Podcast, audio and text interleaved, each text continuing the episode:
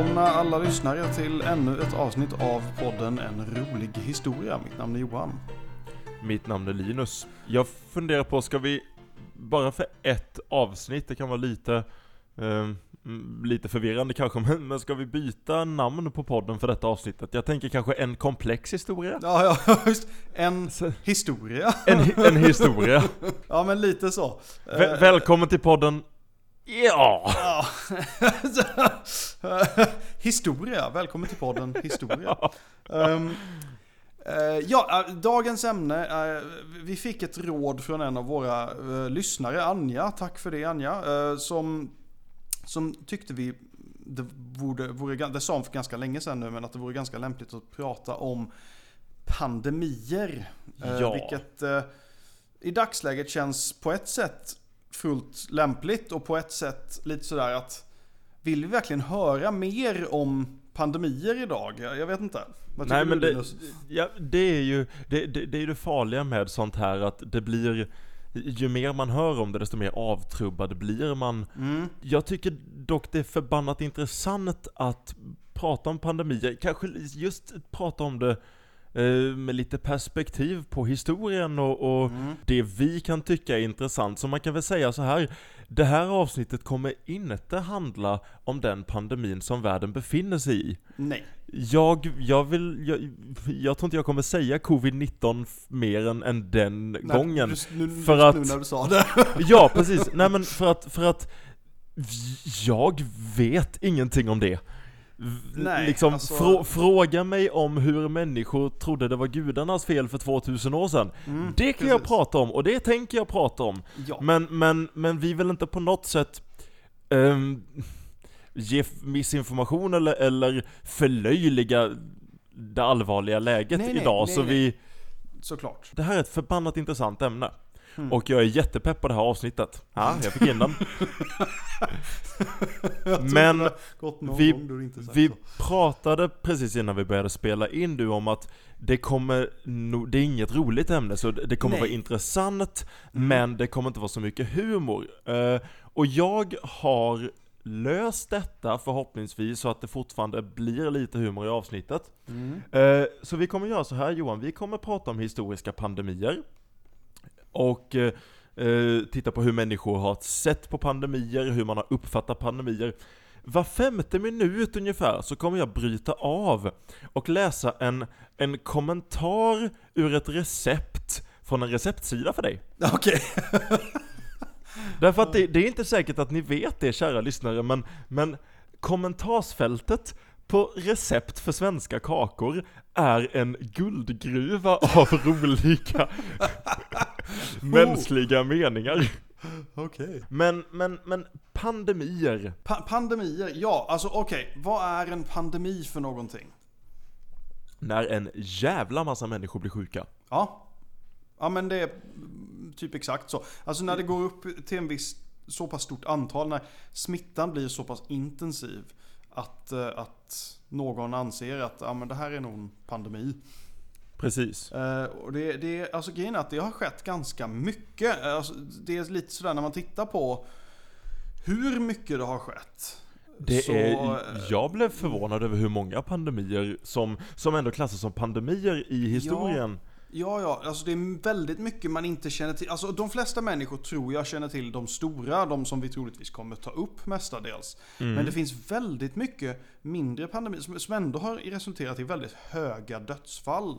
Mm. Eh, Precis. Och eh, det är li- lite det här att, och- och grejen är att det här har ju varit en del av, alltså sjukdom är ju en del av det mänskliga tillståndet nästan. Eh, Ja. Det låter ju hemskt men det är lite så. Nej men det, det är ju klart det är, och vi, vi, vi brukar ju eh, skojsamt, skämsamt eh, fråga hur länge har det här pågått när vi pratar om ett ämne. Och, Det roliga är att den här gången, så det, stö- det ett av de största exemplen börjar ju faktiskt på romartiden. Ja, precis. Men, men, alltså innan människor blev bofasta så var ju inte pandemier ens möjliga på samma sätt. Därför att du behöver, du behöver möjligheten att sprida dig. Och Precis. v- i, i takt med att vi har fattat mer om hur pandemier fungerar, i samma takt så har ju samhället blivit mer och mer och mer globalt. Mm. Så att spridningen har ju blivit lättare och lättare genom historien.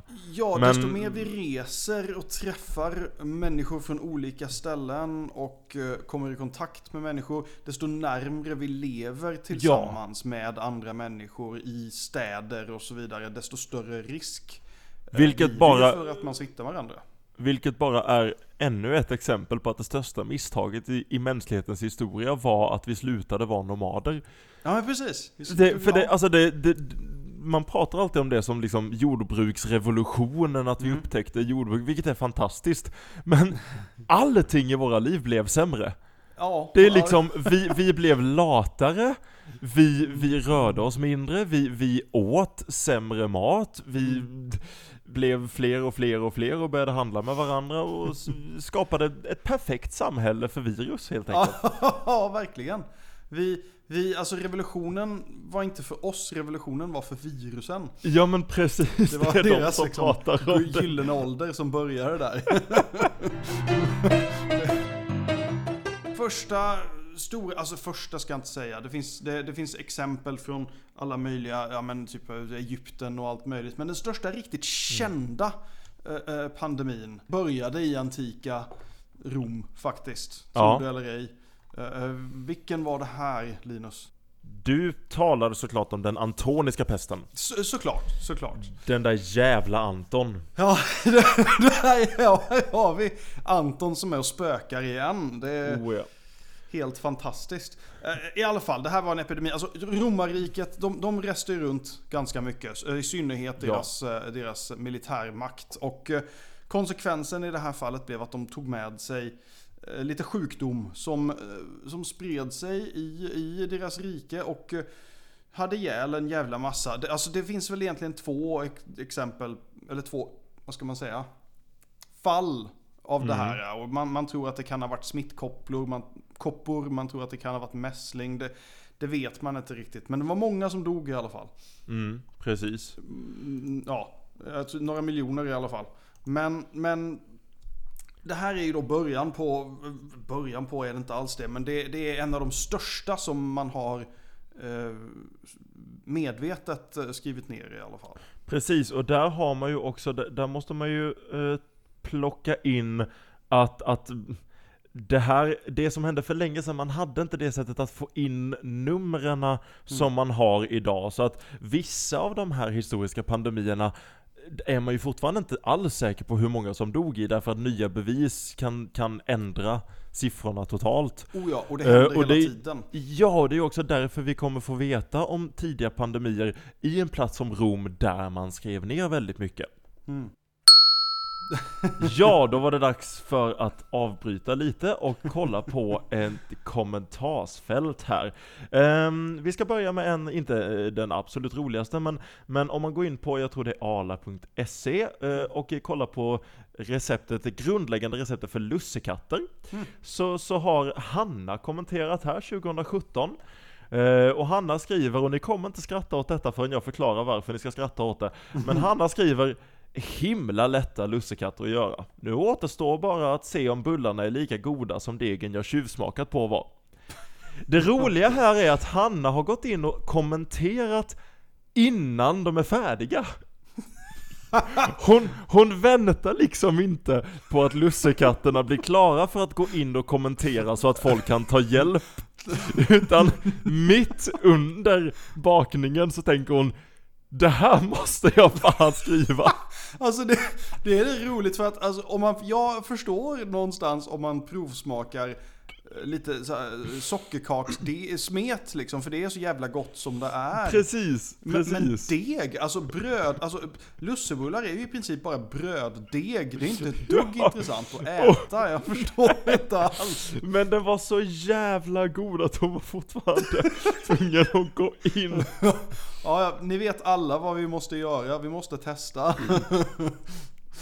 Ah, Okej, då hoppar vi tillbaka. Vi har en annan epidemi som också är kopplad till det romerska imperiet. Ja, vi. Eh, och vilken är det vi pratar om då Johan? Då kommer vi ju till eh, den senare delen av romarrikets eh, tid i Östrom, så kallat Ja. Byzantium, den så kallade Justinianska pesten.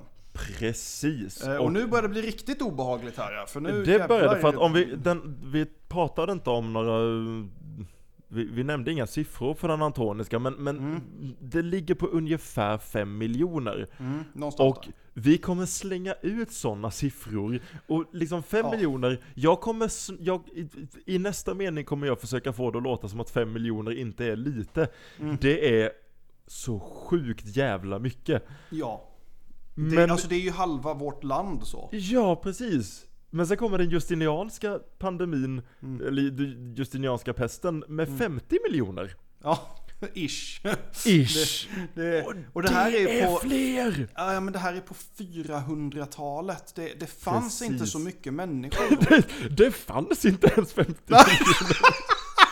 Det... Hur de dog vet ingen. Det liksom... Det var... Så jävla dumt. Oh. Ja, eh, nej men alltså det var, det var, det var sådär, det var sådär löjligt mycket människor som strök med. Precis. Och det precis. var väl det här, det här är i, och för sig första kända fallet eh, av pest, Mm. tror jag. Eh, och det är klart att då, är det folk, då har ju folk ingen immunitet som de byggt upp eller någonting. Så det, det är bara, de faller som fåror. och Så. Sen Och dö, man har- alla dog ju inte, men många, många dog av Ja, och man, man har ju inte alls den kunskapen Gud om vad det kan vara. Och det finns faktiskt, nu kallsvettas jag lite för nu höll jag på att säga, det finns faktiskt en rolig sida av den här pandemin där cirka ju- 50 Det var, miljoner människor liksom, dog. det var ju över tusen år sedan. Det, Ja, det är precis. om det. Tragi plus tid är lika med komik. Mm. Nej, men, men här kommer vi till någonting som jag säkert kommer göra fel under det här avsnittet, nämligen namnen som de här pandemierna får. Mm. För det är ofta kopplat till ett land. Det är det. Det är ofta kopplat till ett land. Vi har, jag menar, i, i nära historia så har vi ju spanska eh, sjukan. Ja, det har vi. Och, och, och, och, och det, här, det här är så farligt redan nu så håller människor på att prata om det, det jag sa att jag inte skulle nämna som den kinesiska sjukan. Alltså, det blir väldigt lätt riktat mot folk och en folkgrupp när det inte borde vara det. Ja. Men sen får pandemier namn och så är det svårt att ändra dem. Så jag kommer säkert använda ett namn på någon pandemi som man inte bör använda och för det ber jag om ursäkt. Men det vi pratar om nu är den justinianska. Just det. Och det är inte, ju, ju, Justinian, Justinian? Justi... Ja. Ju- ju- Justin. Justin! Det var en, Justin. väldigt... eh, det var den första amerikanska romerska kejsaren. My name is Justin and I'm the Roman Emperor. Uh-huh. Så bara, hey guy dude. Uh, Hail Caesar. Ju, Justinianus, Ju- Justinianus, tack så mycket. såklart. All, alla Som- romerska någonting slutar på anus. Det är så man kommer ihåg.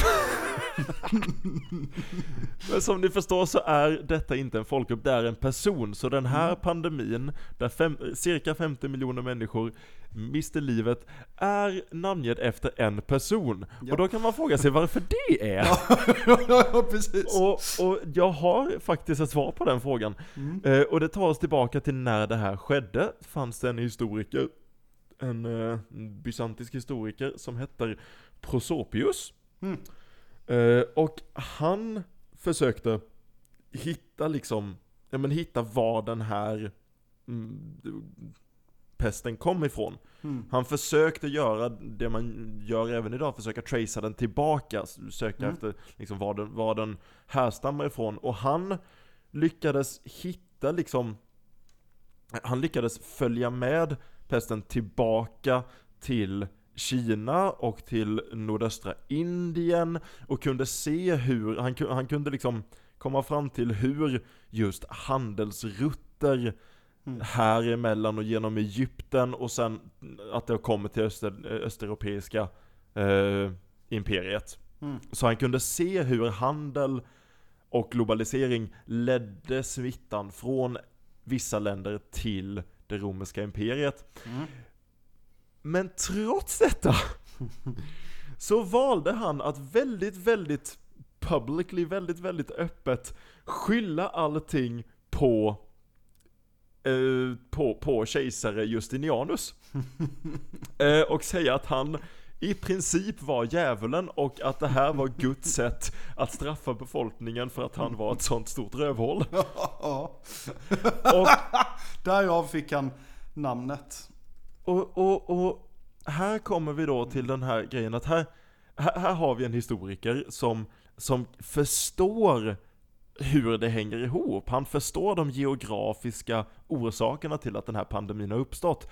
Men så väljer han ändå att skylla det på en enskild person och då tänker vi liksom vilket, vilket jävla svin att, Ja, att ja, ja, göra en sån sak, att, att skriva in det i historien. Mm. Men Johan, och kära lyssnare, om ni inte sitter i en bil, gör så att googla Justinianus 1, googla Justinianus den första och gå in på bilder. Han ser rätt elak ut. Mm, mm. Det är något i blicken på honom. Det ser inte detta ut som en... filur den där Ja men det, det, är en, det är en filur.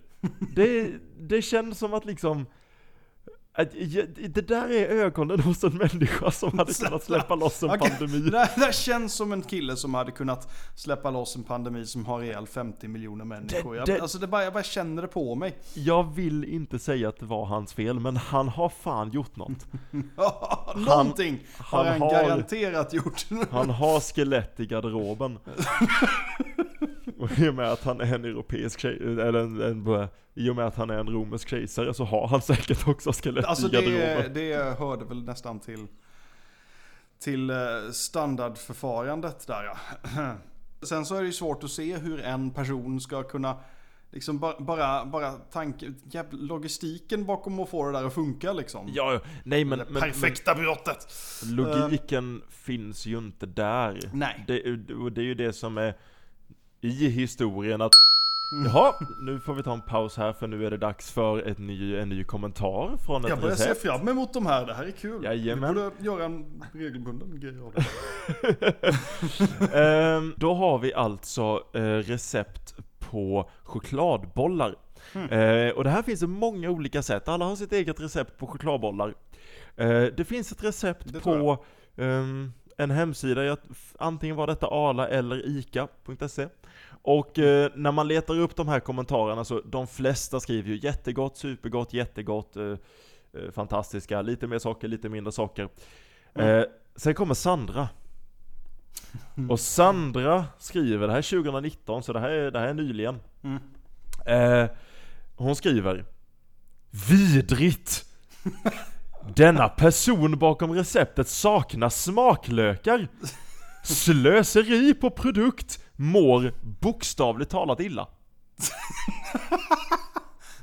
Känner, känner du att Sandra får igenom sin poäng här?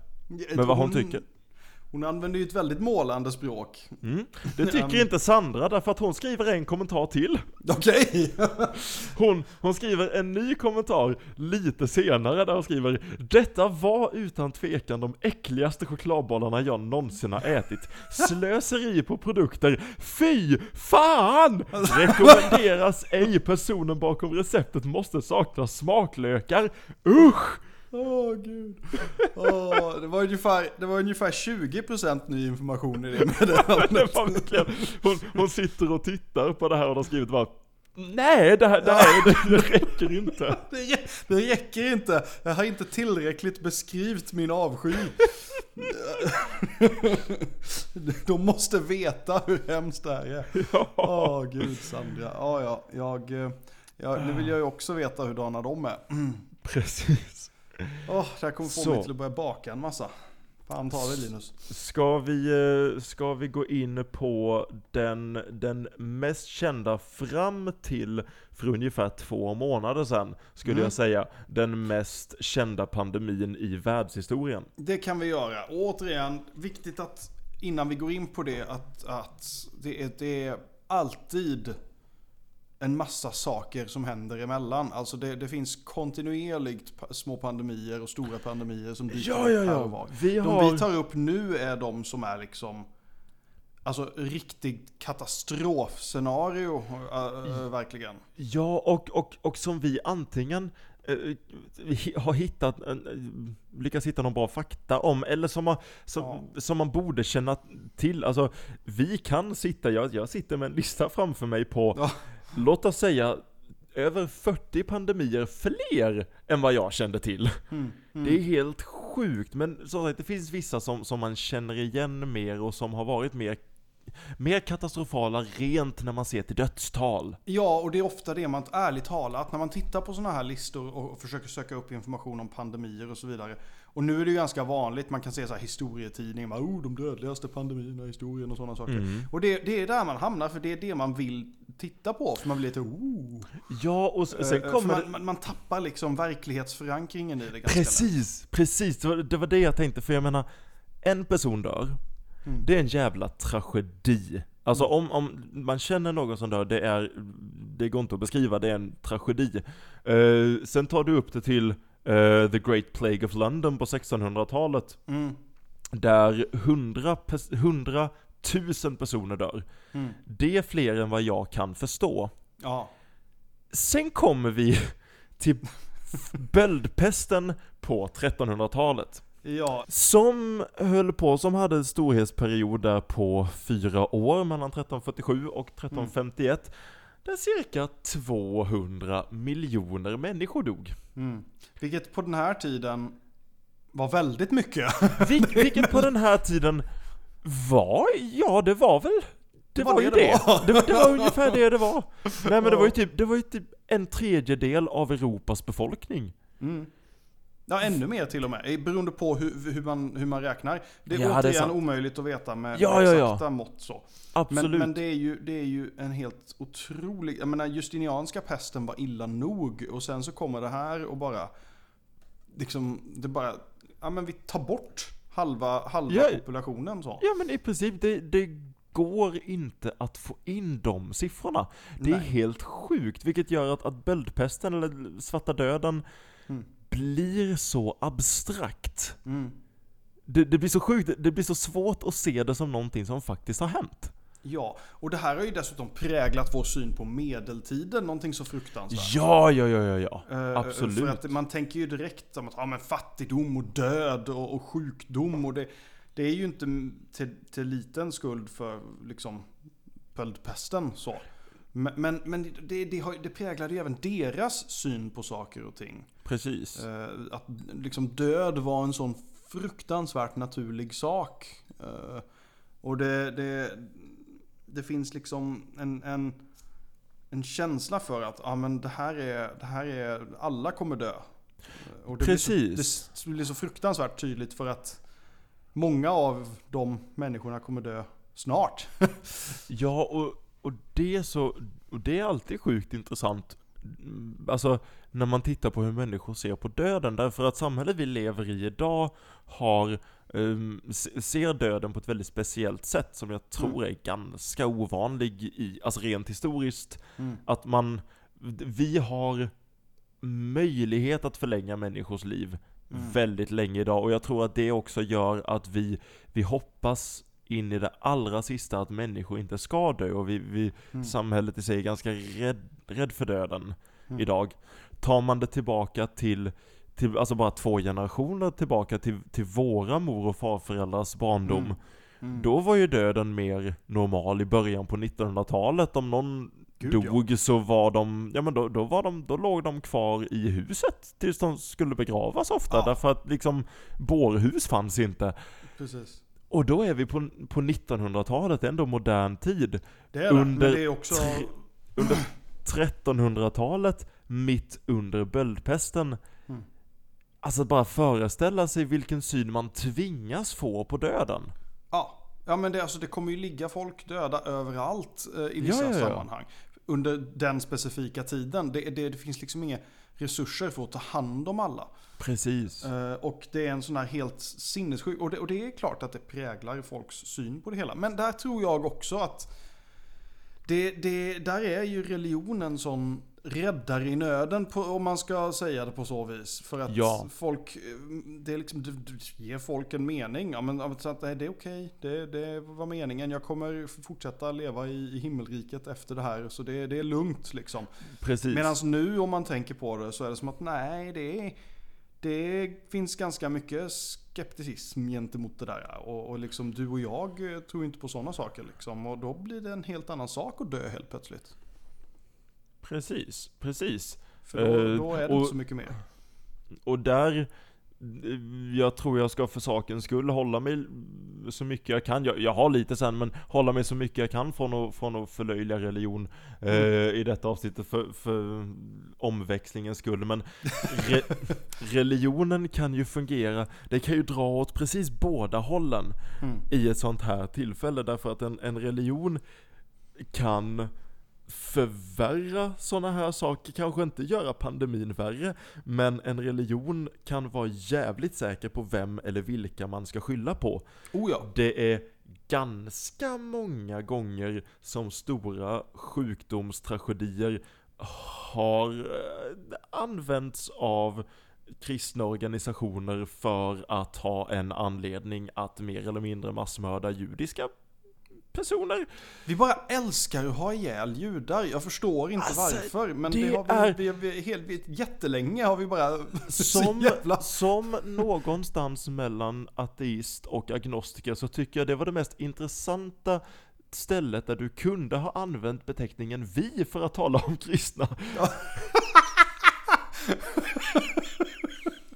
Åh, Nej men det, det, det är sjukt, man kan se det på det sättet för det finns bevis på att, att liksom man har För att eh, gå emot det eller alltså för, sin egen vinnings skull eller för eh, att man verkligen tror på det men att man attackerar andra folkgrupper. Det kan samtidigt, som du var inne på, vara den största möjliga räddaren i nöden. För jag menar, Mm. jag kan inte föreställa mig, och jag hoppas att jag aldrig kommer behöva föreställa mig, en, en verklighet där det är, ja det är 99% sannolikhet att jag kommer dö och troligtvis kommer alla jag känner dö också. Typ imorgon eller om en vecka eller om en månad. Att ha en sån övertygelse om att det finns något efter, eller att det åtminstone bara finns en fucking plan med allting. Ja. Jag tror att det kan vara en av sakerna som faktiskt gör att människor kan ta sig igenom en sån här ofattbar tragedi och komma ut på andra sidan och fortsätta. Jag menar, snacka om hur Ja. många som dog i böldpesten, att bara fortsätta samhället efter det. Mm. Jag, jag tror att, ja, det, det kan hjälpa att ha den här övertygelsen.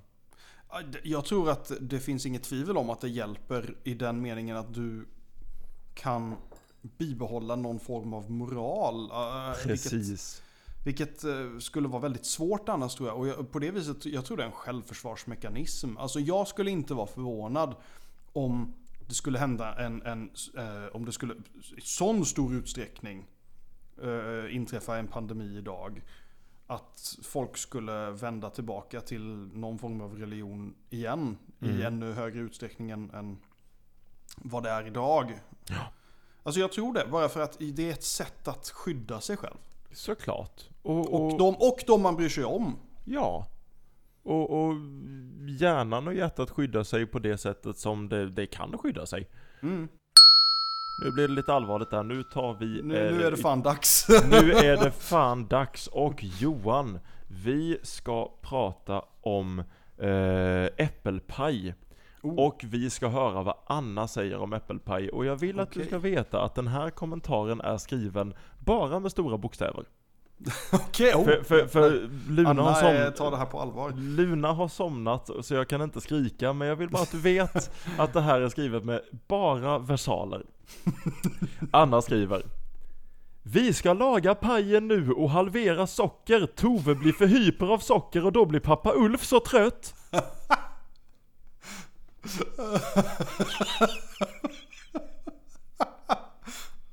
Åh gud. Jag, jag, jag, bara, jag bara måste föreställa mig det där med en sån här supersmåländsk accent.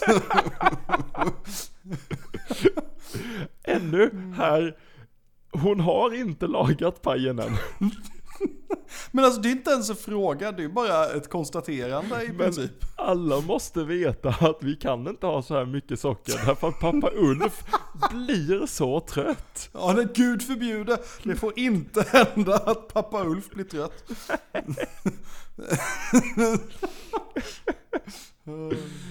Åh gud. Åh. Eh, ja, nej men pandemier var det. Folk Ja, dör just i Folk. stor utsträckning. Ja men det Eh, gör de. Vi har ju varit inne på, alltså Nutiden vi lever ju i, och det här är en konstig mening att säga, men vi lever ju i den bästa tiden än för att göra, för att, för att ha en pandemi. Oh ja. Därför att vi Oh har ja. så sjukt mycket resurser för att undersöka mediciner och vaccin och hålla koll på dödstal och, Mm. och, och säga till folk hur man ska göra och att vi, bara en sån sak att idag vet vi om att det är en bra idé att tvätta händerna. Precis. Och Medan i, hel, ja. i hela historien har man liksom inte vetat det. Det har skett pandemier under tidsperioder där folk har trott att man blir sjuk av att bada. Ja, ja, ja. Det, det har vi pratat om tidigare. Alltså då- hygienen var ju i flera fall rent av fruktansvärd. Och, och det här är ju hela grejen att alltså helt oavsett nästan vilken sjukdom det handlar om så är det betydligt större risk att man blir smittad om man har dålig hygien. Ja, precis. Eh, Och, och det, det är som sagt att bara att förstå en sån sak gör ju otroligt mycket. mm, Eh, Sen så är det ju så att idag så är vi ju, vi liksom reser ju mer än någonsin. Så vi är ju på sätt och vis i större risk på det viset. För att Oh ja. är det någonting som börjar någonstans, då är det jävligt sannolikt att det kommer sprida sig. ja, ja, ja. Det, det svingar åt båda hållen såklart. Mm. Som Jesus sa på korset.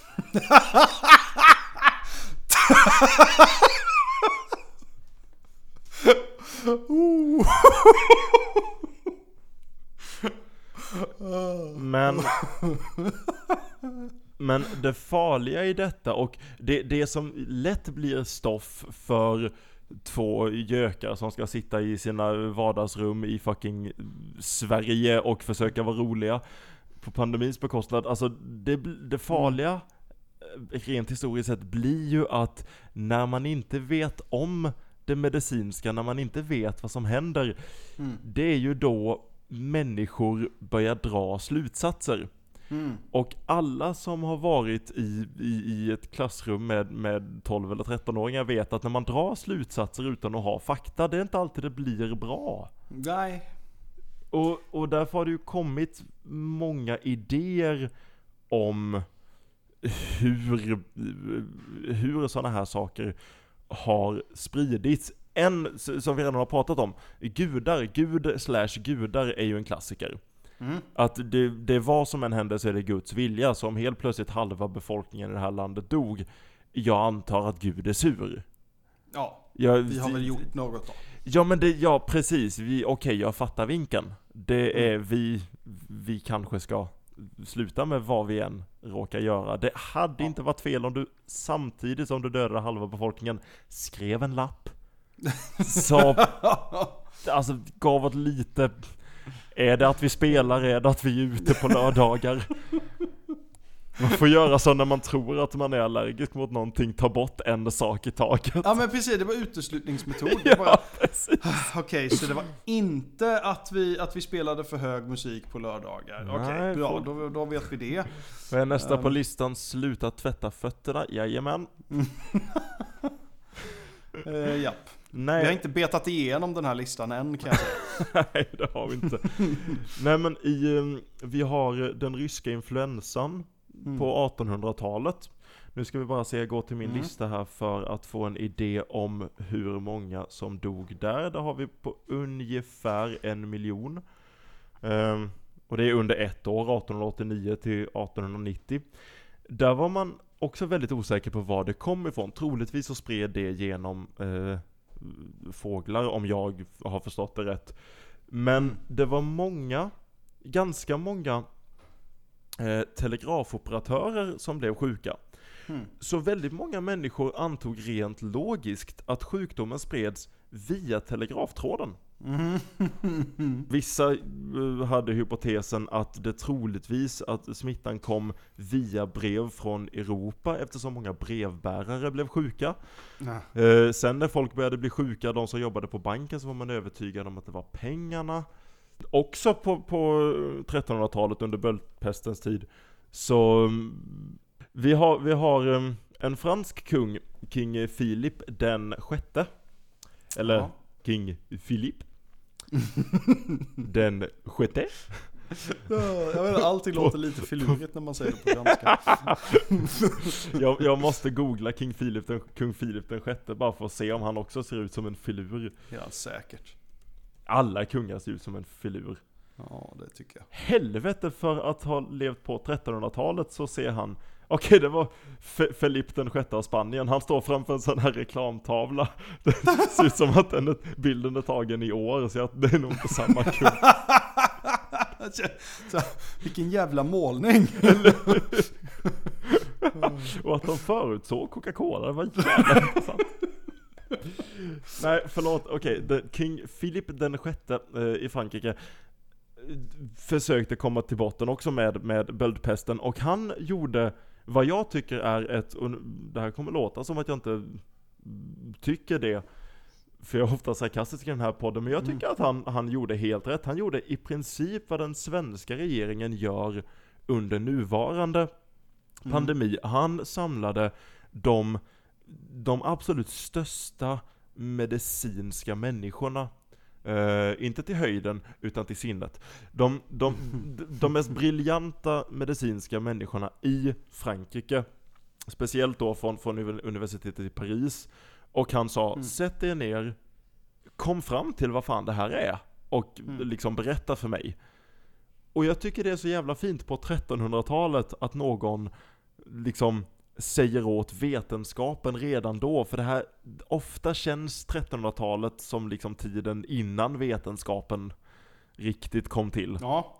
Ja men Så- lite som att de ska säga typ okej, sätt er ner och kom fram till på vilket sätt judarna är Ja ansvariga men, ja, för det men här. ungefär så. Men, men, eh, men, men han sa liksom till de, de mest briljanta medicinska människorna, läkarna, att sätt er ner, kom fram till vad det här är och rapportera tillbaka till mig. Och eh, han fick tillbaka ett detaljerad, en detaljerad avhandling som förklarade rakt upp och ner vad den, den, den svarta döden berodde på. Mm. Eh, astrologi. Ja. Eller som de uttryckte det, the configuration of the heavens. Ah, of course. De kom fram till att 1345, en timma efter 12, hade kunnat skriva klockan ett, men nej. De skriver en timma efter 12. Eh, Den 20 mars så var det, så, så hamnade tre planeter, Saturnus, Mars och Jupiter, i korrelation med varandra. I tecknet eh, fiskarna. Och samtidigt som det, jag vet att du kallsvettas och håret har rest dig, liksom det, Ja, ja, det är jobbigt jag, jag nog. sådär, vad fan säger du? Samtidigt så har vi en månförmörkelse.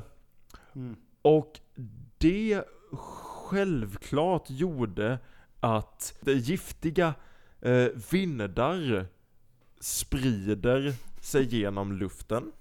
Och Mm. när de då slår ner, jag älskar att de använder ordet smiting down. eh, de, de, alla som då andas in den här luften, den här smittan som finns i luften går in och det håller på att bli vetenskapligt här med luftburen smitta. Men, Ja, men det, det slutar väldigt snabbt för det, det, det dödar eh, livskraften. Hashtag Ah. Star Wars. Eh, Okej. i alla som, som får det här i lungorna. Eh, den eh, korrupta luften, citat här, eh, dåligt översatt av mig, den korrupta, ko- korrupta luften när man andas in den eh, penetrerar hjärtat och förstör eh, själen helt enkelt. Och sen så får den allting som finns runt om själen att ruttna. Och sen förstör den livskraften, det kan jag förstå. Och där har vi eh, kung Filip, eh, den väldigt logiska orsaken till böldpesten. Några frågor eller om det, är det? Woo, science! det, här var, det här var inte de bästa hjärnorna, det här var så att säga the frat boys på den tiden som satt och bara shit, vi har bara festat bort alla pengar han gav oss för att komma på det här och sen bara vi måste ju komma på någonting. Ja, gud. Men ja, det... Det var inte helt så. eh, eh, Kan man säga. Har vi ju lärt oss eh, till sist. Nej, precis. Eh, Det var ju eh, loppor som, som var ansvariga. I och för sig, när man säger det så så låter det absurt också. Men det loppor som bar på sjukdomar som i sin tur bars på råttorna som kom från skeppen. Precis. Precis. Så, Eh, så ja. där kommer vi tillbaka till att, att geografisk rörelse är kan, inte orsaken till sjukdomen, men, men en av orsakerna till att det sprider sig Ja, så pass mycket.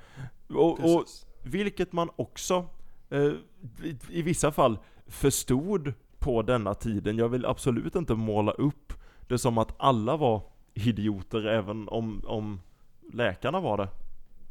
För under eh, den svarta pesten, eller böldpesten eller svarta döden, eh, härjade i Italien, så eh, speciellt i Venedig, men jag tror i större delar av Italien, så införde man ett förbud mot alla skepp som kom in att lägga, i, lägga sig i hamn.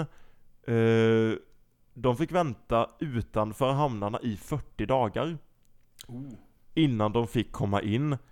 För att se till att, för, och vilket låter jävligt logiskt för inom 40 dagar så kommer man märka om någon är sjuk och är någon sjuk så får de inte lägga in.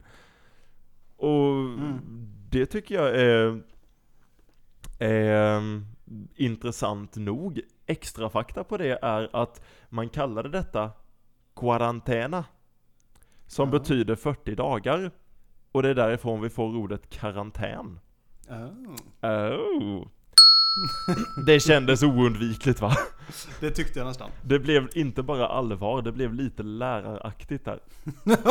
Hur vågar du? Eh, vi har en väldigt kort kommentar här, men jag tror den kommer från Berit och jag tror att denna kommentaren vinner över Anna och eh, trötta gamla pappa Ulf. Eh, det här är den kortaste kommentaren hittills, men jag älskar den och jag älskar Berit. Eh, det här är på eh, ICAs recept för den klassiska semlan. Ah, Eh, och 2015 så går Berit in och kommenterar på ICAs recept på den klassiska semlan. Och Berit skriver Återkommer när jag bakat.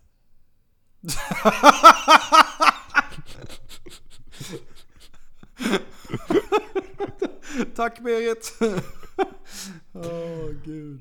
Och då undrar ni såklart, och ja, det finns många sätt att spendera 15 minuter av livet man har på denna jord. Och jag spenderade 15 minuter med att läsa igenom alla resterande kommentarer. Hon återkom inte!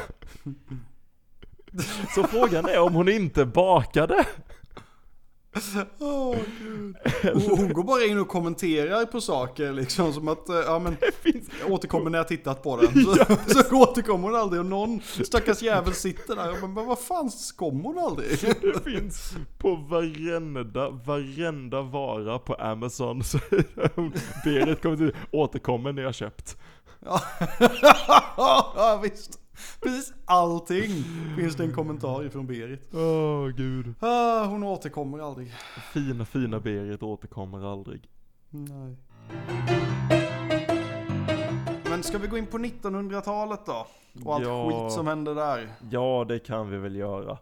Det, 1900-talet börjar bli jobbigt nära nutiden. Det är lite det. Det är jobbigt nära nutiden och det är samtidigt fruktansvärt. Okej, alltså det kan ju nämnas lite andra. Det finns ju några kända aspekter. Typ att eh, eh, urbefolkningar i, i Amerika eh, i princip urholkades tack vare olika sjukdomar. Typ smittkoppor och sådana saker som de hade dålig immunitet mot. Jajamän. Eh, Ja, och det här sker som sagt överallt och det finns flera dör och det är ond bråd död. Jag vill inte ens prata om det. I Europa i alla fall.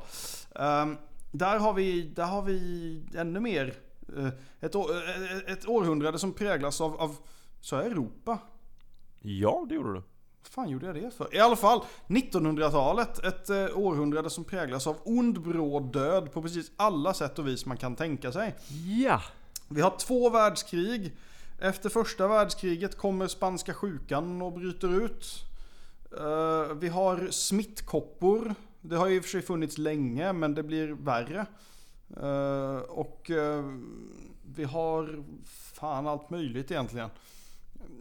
Det är mycket som händer eh, och det är många, många, många som dör. Det är, det, är, alltså det är nästan så att när man räknar upp det på det sättet som du gör så känns det nästan ofattbart att fatta att, att det finns människor kvar efter allt det som händer. Nej men det är ju sjukt. Det är det. Så- Sen på 1900-talet hade vi redan byggt upp, vad ska man säga, lite, mm, liten bank av folk. Jo, jo men det, det hade vi. Det kom ju samtidigt som, som, som den stora befolkningsboomen såklart. Mm, mm. Men, Men, eh, men ja, och det, det är mycket sådana sjukdomar som händer. Och det, det man kan se lite intressanta aspekter. Där kommer man till exempel in på det här med ja, men spiritualitet och sånt. Mm. Eh, präglar väldigt mycket. Ja, men typ kopplat till spanska sjukan till exempel. Så, så ja, men mycket, ja, men, ja, men de, de är kvar och jag pratar med min, min kära, vem det nu kan vara som har gått bort. Och, Precis. och, och sådana. Så liksom det, det, det finns ett sätt att, att, att man vill hitta en mening i det tror jag. Och man vill hitta ett sätt att hantera det på. Ja. Eh, Och det är väl, eh, det, man ser det lite mer tydligt för det finns bättre bevarat om man säger eftersom det är så nära. Ja, Eh, jämförelse med eh, ja, men pesten på, på 1300-talet till exempel. Ja men den, den, den, den går inte att föreställa sig. Nej. Men, men, men när man har någonting som hände liksom 1920 för 100 år sedan, då, då, Mm. då, kommer man, då är man redan där människor som lever idag känner människor eller har känt människor som levde igenom det. Mm. Och då blir det så mycket, mycket mer nära i tiden. Det gör det. Och, det. och det sätter även fingret lite på det här att, ja men, och det här kommer ju låta lite nihilistiskt kanske, men man kommer inte riktigt undan. Nej. Eh, Man gör inte det. Alltså det, det finns, det kommer alltid ske. Eh, Det kommer, sen så har vi otroligt bra sjukvård idag och man hade betydligt bättre sjukvård på 1900-talet än vad man hade på, jag vet inte, 400-talet till exempel. Eh, men det är ju alltid det att det, ja, men det utvecklas och det blir värre och det, det, eh, jag vet inte. Alltså, det, och det är det här som är just grejen, att, att sjukdomar är inget kul. Alltså det är inget kul, det är fascinerande. Eh, men det är liksom en, en fantastiskt fruktansvärd del av mänsklig historia. Men samtidigt någonting vi absolut inte kan komma ifrån. Vi, vi kan inte fly från det. Nej, och det blir en, en stor smäll i käften. Alltså Mm. en tid som idag när, eh, speciellt när man, när man lever i, i en del av världen som, som är så skonad från, från krig och, och, och massdöd överhuvudtaget. Att Mm. det helt plötsligt, helt plötsligt så befinner man sig i någonting som man inte var beredd på och det blir som Mm. Oj!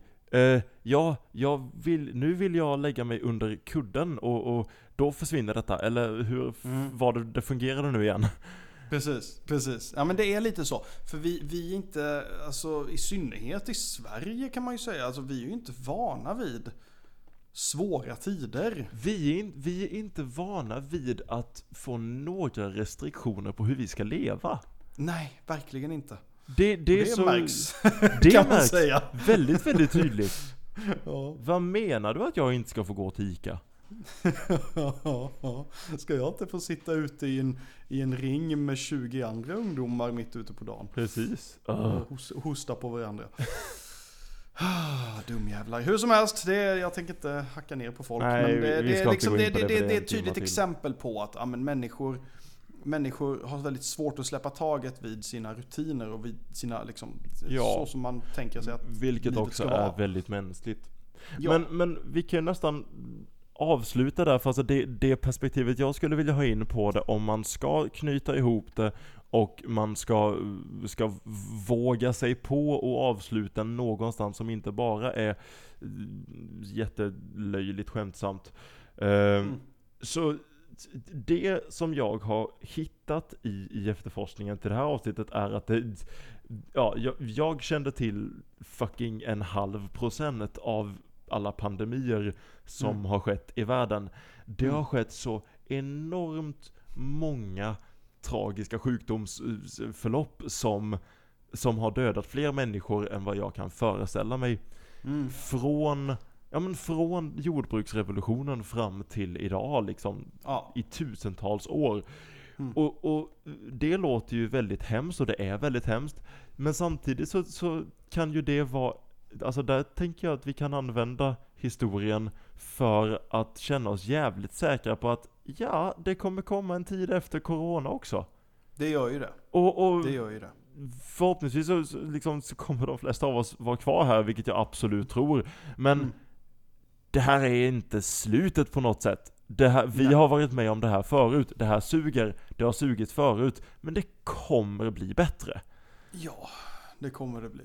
Och det, Eh, och det, det, det, det liksom sätter lite fingret på hur saker och ting är överlag. Allting går i vågor. Det, det är bara att rida med på vågen och göra det bästa av det. ja, jag tycker vi avslutar här och, och då skulle vi ju säga, vill jag säga tack så enormt mycket för att ni hängde med oss på den här lite ovanliga resan. Eh, jag skäms lite över att jag hittade mycket mer än vad jag trodde att skratta om i alla tragiska händelseförlopp i världen. Men eh, jag hoppas att inte någon av er har tagit oss på för stort allvar. Intra... Nej, men det, det, det, nej, nej. Och, och, och man kan, inte, kan man inte skratta åt saker så är det liksom, då är inte det värt att ens göra någonting längre. Kan man inte skratta åt tragik så tror jag att du har kommit till fel podd. Men Alltså, eh, ja. vi, vi, jag hänvisade gärna till hi- historiepodden, den är bara nerför korridoren, tredje dörren till vänster. De, de är också mycket, mycket mer pålästa än vad vi är. Herregud. Du, kan, du, du lär dig faktiskt saker där, de pratar inte bara om sköldpaddskondomer och toaletter. Det är, Nej, men. Fantastiskt. Men, eh, men hej, olika klientell Men- kanske? Eller olika, eh, olika poddar för olika, mm, mm, ska man säga, humör. Men eh, ja, eh, gud, hur avslutar vi det här? Intro och jingelmusiken eh, kommer från låten Wagon Wheel av Kevin MacLeod. Och eh, kom ihåg att du har makten att ta över världen. Snälla gör det inte. Jag tycker faktiskt att vi ska avsluta här bara för att fortsätta. En sista, en sista Johan. Eh, jag, jag ska vara helt ärlig, ja men jag tycker den här, fan jag tycker den här sammanfattar avsnittet, jag tycker den här sammanfattar hur det är i världen just nu. Eh, jag tror inte att Eva Lagerhorn ville, ville bli liksom eh, namnet som, som sammanfattar världen 2020 när hon skrev denna kommentaren för fem år sedan. Men, men hon blev det, det är liksom korset vissa människor får bära. Jag kommer inte ens ihåg vilken kaka det är Eva Lagerhorn bakar. Jag tror det är en kladdkaka. Mm. Men Johan, Okej. är, är inte detta en bra sammanfattning? Nu är den i ugnen. Vi får se hur det går. ha en bra nutid så syns vi i framtiden. Hej! Oh, oh.